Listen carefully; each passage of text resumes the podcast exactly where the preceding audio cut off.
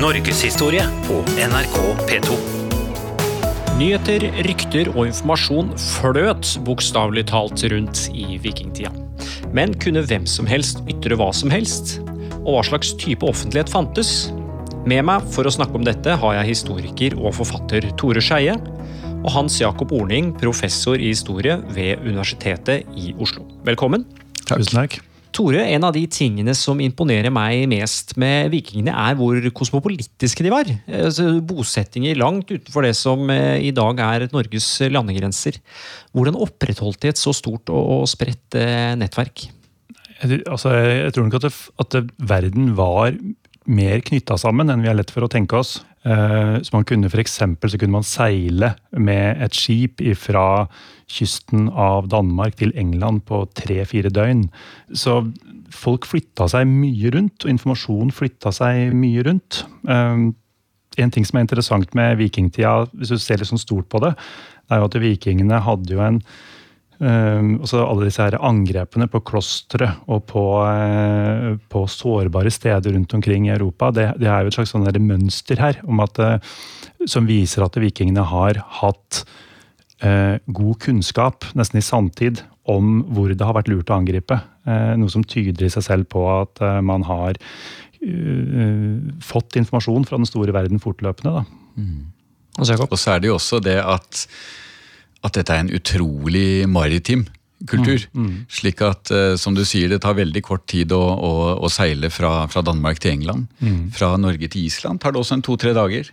Til, til, til, Shetland tar det bare ett døgn. Men å, å, seile fra Bergen til eh, Trondheim eller til Oslo tar én uke. Og å dra over land tar jo ekstremt mye lengre tid. Og for eksempel, eh, Man tenker jo ofte at hvorfor er ikke Sverige eh, Sverige sånn som i dag. Hvorfor tilhører Skåne Danmark og ikke Sverige?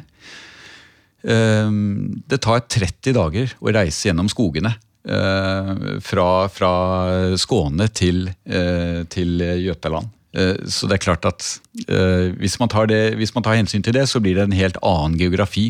Men Hvordan opprettholdt man informasjonsflyt i et samfunn? Hadde jo ikke en avis eller telegraf eller noen ting til å hjelpe seg?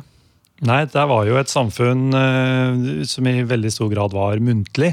Men det var et samfunn der folk, og derfor også informasjon, flytta seg uh, jeg vil si ganske forbausende fritt og åpent og raskt rundt. Uh, så hvis vi zoomer liksom ut av det store geografiske bildet, så har det vært faste handelsstasjoner, havn, havner som norske kjøpmenn har reist til og fra i, rundt omkring i Europa.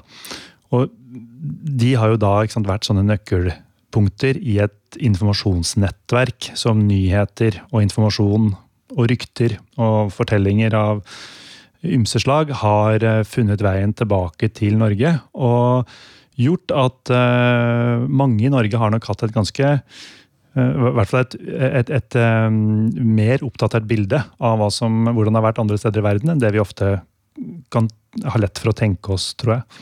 Men Det var jo ikke noe postvesen eller sånn, var det noe, var det noe ryktevesen? Hvordan sørget man liksom for at disse tingene faktisk ble formidla videre? Var jo, dette var jo et, eh, et dugnadssamfunn på, på, på, mange måter. og altså eksempel, hvis en, eh, hvis en fiendtlig hær kom til den norske kysten, så var det sånne vardesystemer der man skulle tenne på store bål på, på høyder i landskapet. Eh, dette er systemer som går langt tilbake til lenge før vikingtida også. Som, eh, som ble tent på, så så man røyken, og så tente man på neste, og så flytta informasjonen seg raskt over på den måten. Mm. Nå var det vel ingen formalisert ytringsfrihet i vikingtiden akkurat. Var det et samfunn hvor man skulle passe seg litt eh, hvem man sa hva til? Vi må tenke på det gamle samfunnet på en litt sånn grunnleggende annen måte enn vi tenker på samfunnet øh, vårt i dag. Et, et samfunn består av altså Det gamle samfunnet, vikingtidssamfunnet, middelaldersamfunnet, besto av mange fellesskaper. Mange kollektiver, mange grupper. Og, øh, og øh, hva en Eh, mektig høvding kunne si og foreta seg, var selvsagt helt annerledes enn hva en uh, liten mann kunne gjøre. Uh, for ikke å snakke om en trelle. Så det kommer jo helt an på hvem, hvem vi snakker om. Mm. Det fantes på en måte ikke en felles arena der alle var like. Nei. Men ta kongen, for eksempel. Det å fornærme kongen har jo vært eh, en eh, kriminell handling helt opp til ny tid, nesten. Var det, var det farlig, hvis du skulle finne på å fornærme kongen på et eller vis? Det vil jo komme helt an på hvem det er, og i hvilken kontekst det er. Og kongesagaene som vi har, forteller jo om mange situasjoner hvor konger eh, står så svakt, f.eks. At, eh, at de ikke har noen mulighet til å ta igjen.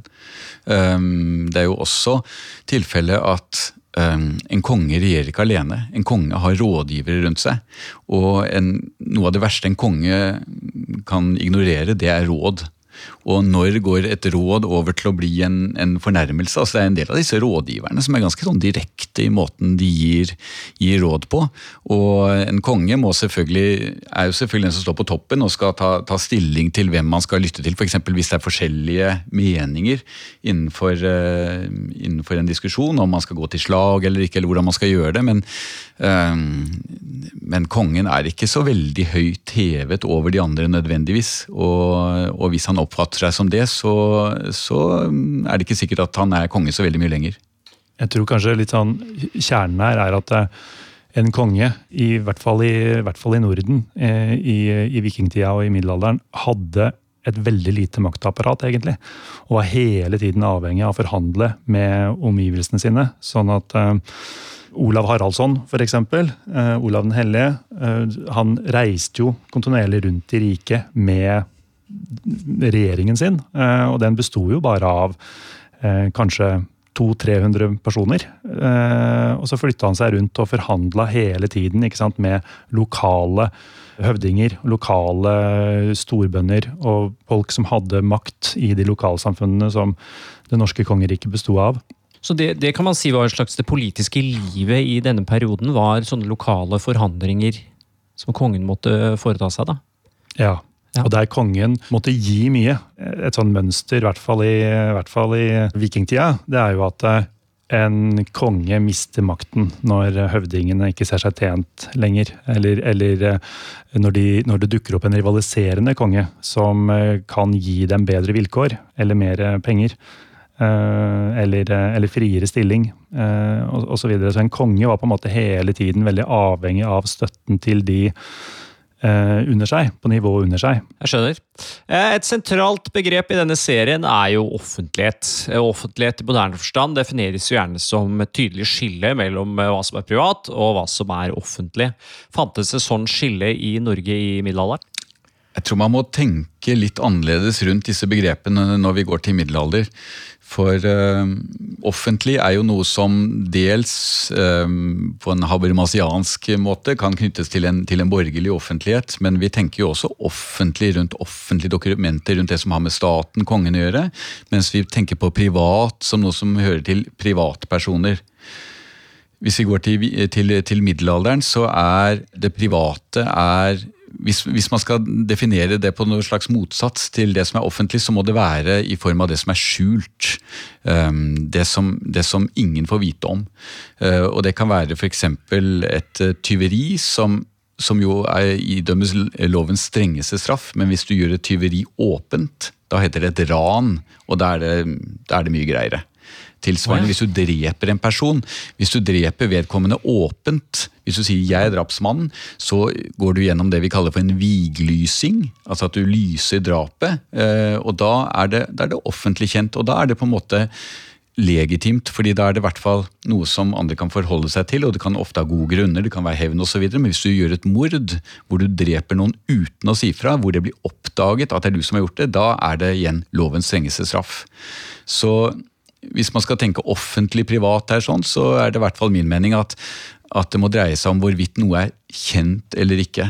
Og dette henger jo litt sammen med altså Vi har jo ikke noe ytringsfrihet eller, eller noe sånn i, i den tiden, men dette med, dette med ære som, som, en, som, en, egenskap som på en måte knytter seg til hvordan du blir oppfattet av andre, det hører jo sammen med hva er det man tenker på som kjent. Hva er denne personen assosiert med? Mm. Og da kan man si at, uh, at, middelalderen er et intenst offentlig samfunn på den måten at alle er veldig opptatt av av folks rykte, av hva som knytter seg til dem, av hvordan de, hvordan de oppfattes. Mm. Uh, og, det, uh, Og det, og det handler jo om, om kjente handlinger. Det er jo et samfunn uten en stat, sånn som vi tenker på det. Og der veldig mange av de oppgavene som staten gjør i dag, som å, som å ivareta individers rettigheter og sørge for folks sikkerhet osv. Det finnes ingen stat som gjør det. Og det gjør det jo egentlig ikke gjennom hele middelalderen i, i, i særlig grad.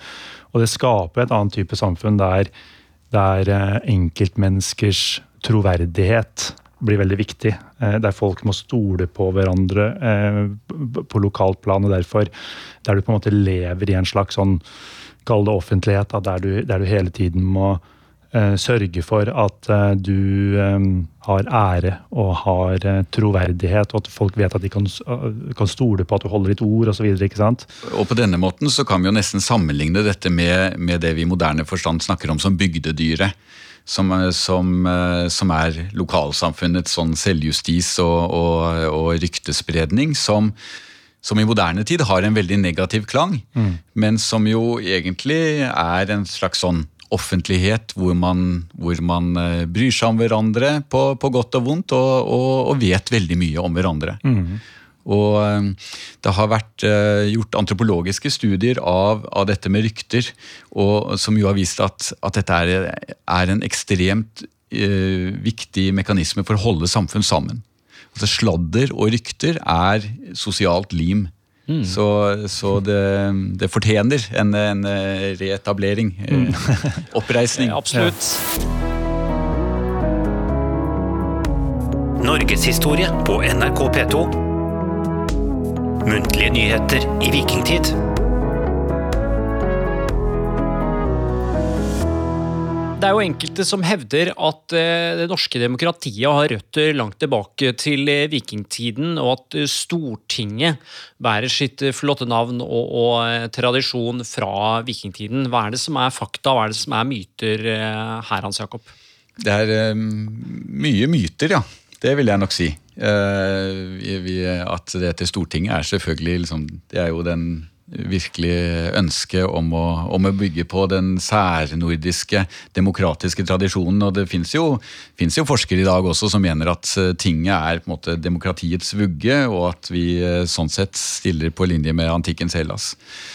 Tinget er en viktig arena. Det er en arena vi har godt belagt fordi det er der lovene blir vedtatt. Og lovene er jo noen av de aller viktigste kildene vi har i dag. Eh, som gjengir også tydelige sånn prosedyrer for hvordan man skal gå fram i saker. Eh, det som er problematisk med lovene, er at de ikke blir fulgt. Eh, og det vet vi fordi vi har mm, de mest omfattende lovene som man har fra middelalderen, de er fra Island. Og Island har vi også veldig omfattende narrativt materiale i form av sagaene. Og sagaene forteller jo om hvordan lovene og tingene fungerer i praksis. Mm. Og noe av det spesielle eller særpregede der er jo at um, tinget er en av flere arenaer hvor man diskuterer konflikter, men tinget er et sted hvor maktforhold spiller ekstremt stor rolle. Så alltid når, tinget, eh, når man har tingsamlinger, så er det jo snakk om å finne allierte. Om å gå fra, om å gå fra telt til telt. For å, for å, snakke med folk som bor der, for å, for å få dem til å støtte ens egen sak. Så det er jo ikke en sånn separat rettslig sfære hvor, hvor det er likhet for alle eh, når man går til praksis. Mm. Så, eh, og I tillegg så er det jo også slik at man går litt sånn inn og ut av tinget. Tinget er egentlig en, en måte å løse konflikter på som er veldig integrert med, med hevn, med forlik, med, så, så, måte, Den kan ikke skilles ut som en separat sfære på den måten som vi tenker på rettsapparatet, hvor vi setter det i kontrast til liksom, rå makt eller retts, rettsapparatet. Hvem var det som deltok på tinget? Altså, var det representanter for ulike samfunn, eller hvordan foregikk det? Så ting er litt sånn, eh, litt sånn ullent begrep her. Da. Altså, altså, det er vel altså, grunnleggende sett bare en forsamling av frie menn som møtes for å diskutere og, og snakke, og som vel blir mer formalisert etter hvert. Men, eh, men det er vel eh, kravet er vel, at man skal være en fri mann.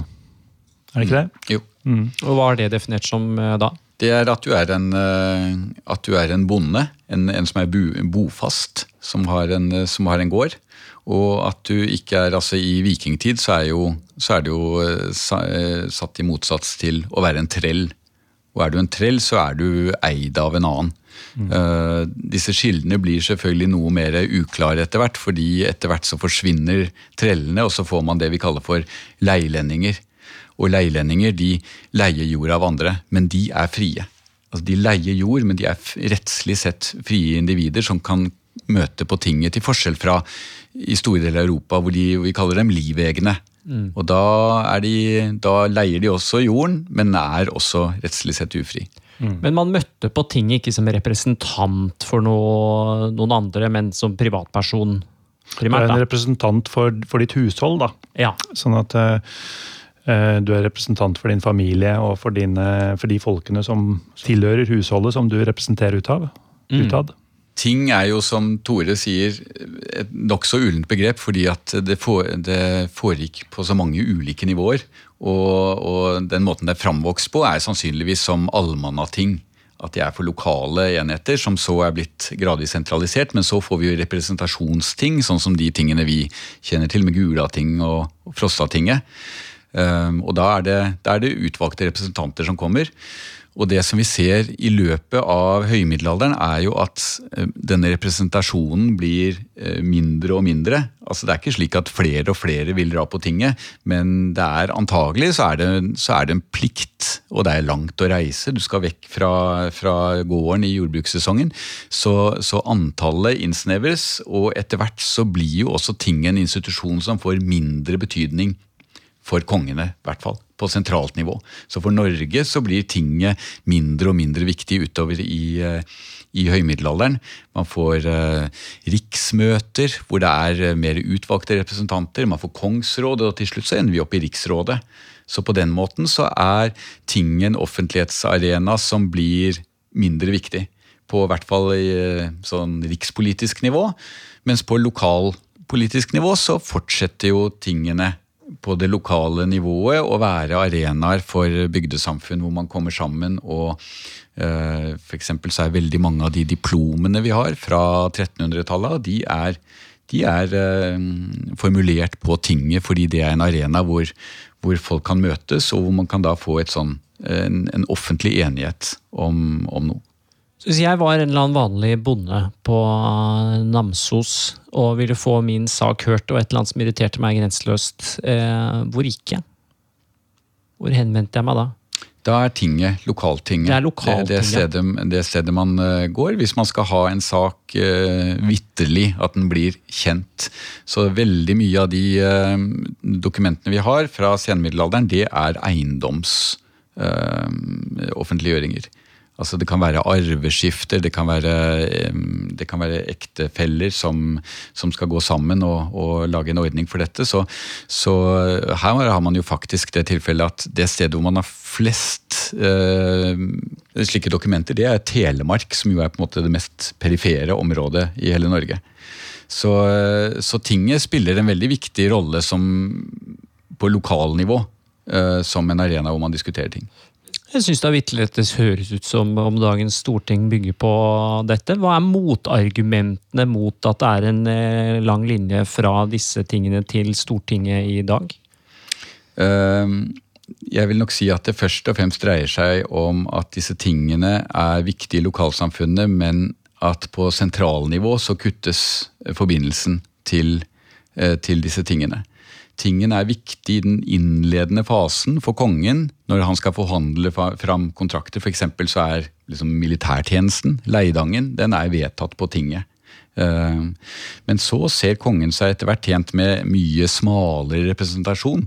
slik at mens lokalsamfunnet fortsetter i, i ett spor, så blir eh, kongemakten mer sentralisert og, og, nærmer seg jo eneveldet. Og vi får jo også enevelde i Danmark-Norge i 1660. Og utviklingen fram mot det går jo gjennom at, at man får snevrere representasjon.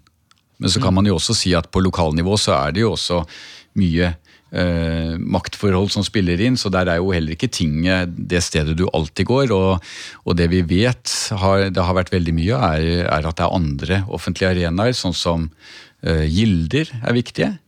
Uh, selv om dokumentasjonen på dette er, uh, er, litt usikker, så regner man med at, at gilder hvor man Altså sånne uh, nærmest sånne sluttede samfunn hvor man møtes, og som har forsikring for hverandre, som holder fester, som har religiøse seremonier, at de er viktige. Men mer allment så er jo gjestebud veldig, veldig viktige. Eh, Tore, hva er gjestebud? Eh, det er altså hvis kongen reiste rundt i landet, da, sånn som jeg beskrev, eh, Olav den hellige, så ville han jo da invitere til gjestebud på forskjellige steder. Eh, det er jo å invitere viktige folk til en fest som tar litt sånn seremoniell form. Eh, som er en sånn arena som man eh, ja, kanskje kan drive politikk på, da, for å kalle det det. Det vi kaller smøring i dag, altså? Ja, Kort og godt. Mm. Norgeshistorie på NRK P2. Eh, boka di, 'Hvitegris', den har jo solgt over all forventning. Eh, gratulerer med det. Eh, hva tror du denne interessen for vikingtid og middelalder kommer av? Altså, er det fordi den står så i kontrast til dagens samfunn, eller tror du det er mer fordi vi gjenkjenner liksom elementer av nåtiden i det, i det historiske? Du, det er et vanskelig spørsmål å svare på. Jeg veit ikke helt, jeg har tenkt mye på det sjøl, hva det er. Men jeg lurer på om sånn uh, interesse for vikingtid og sånt i Norge har vært litt sånn tabubelagt uh, en stund pga. hvordan dette ble brukt uh, av nazistene.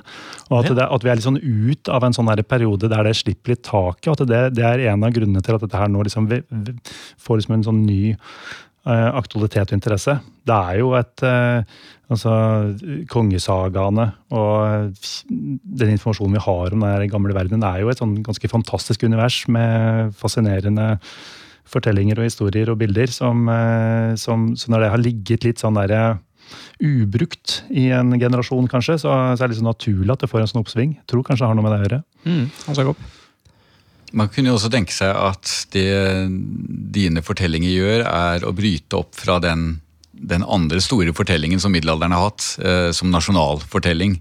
Mm. Om hvordan Norge blir til, og i veldig stor grad bygd på at, eh, at man ser spor videre. Eller at man ser dette som røttene til, til, til, noe moderne, og dermed fokuserer i veldig stor grad på, på hvordan det ligner på vår tid. Mm. Mens det du gjør i, i, dine bøker, er å vise hvor, hvor fremmed dette universet er.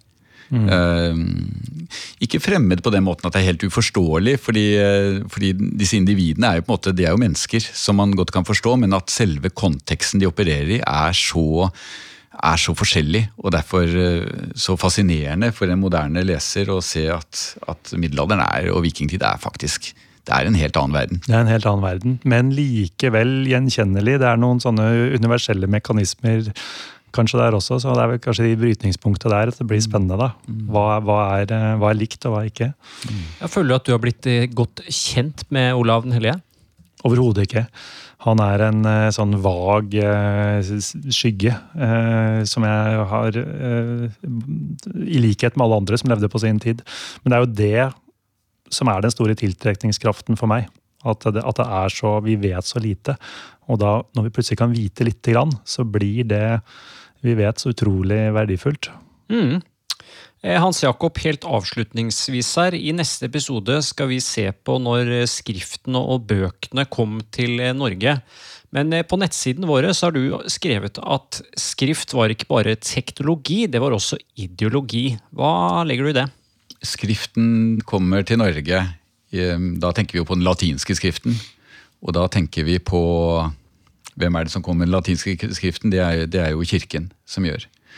Og det, det, er jo ikke noe som er helt nøytralt eh, når en sånn institusjon kommer og, og, vektlegger noe helt nytt. Eh, den ene måten man kan se det på, er jo at man har jo skrift. Vi har runer. Så, så, og det er jo ganske interessant hvordan man tidligere har tenkt at runene forsvinner når uh, latinske alfabetet kommer, men det, det fortsetter jo så litt sånn, sånn to, tospråklighet, nærmest, de to tingene. Det andre er at, at skrift eh, innebærer jo også en tanke om at altså, hvis skriften skal kunne få noe verdi, så må man stole på det som skrives. Derfor så ser man ofte at for når sendebud kommer med brev, så er det ikke brevet, det som står i brevet, som er viktig, men det er sendebudet, måten dette presenteres på. Det er, det er ordene som kommer, det er hvem som sier ordene. Og dette er jo en sånn en tautrekking som, er, som vi ikke har så mange spor etter, fordi at den sjelden kommer sånn helt til overflaten. Men spørsmålet om hva er det som gir autoritet, f.eks. Mm. Er det skrift, eller er det ordet? Og sånn sett så er det et ekstremt ideologisk spørsmål som, som jo tar veldig lang tid på å slå igjennom. Og Derfor ser vi også at når skrift vokser fram nedenfra gjennom diplomene, så tar det, så tar det ganske lang tid før de eh, blir tatt i bruk, men når de først blir tatt i bruk, så kommer det mer og mer når bøndene skjønner at dette er faktisk noe som kan være ganske verdifullt, å ha skriftfestet noe, for da, da er det der for evig og alltid. Mm. Mm. Mer om dette i neste episode. Hans Jakob Orning, Tore Skeie, tusen takk skal dere ha. Du lyttet til serien Medienes stemmer og maktens sensur, produsert av Norgeshistorie ved Universitetet i Oslo. Mitt navn er Anders Brenna, og ansvarlig for denne serien er Ellen Katrine Lund.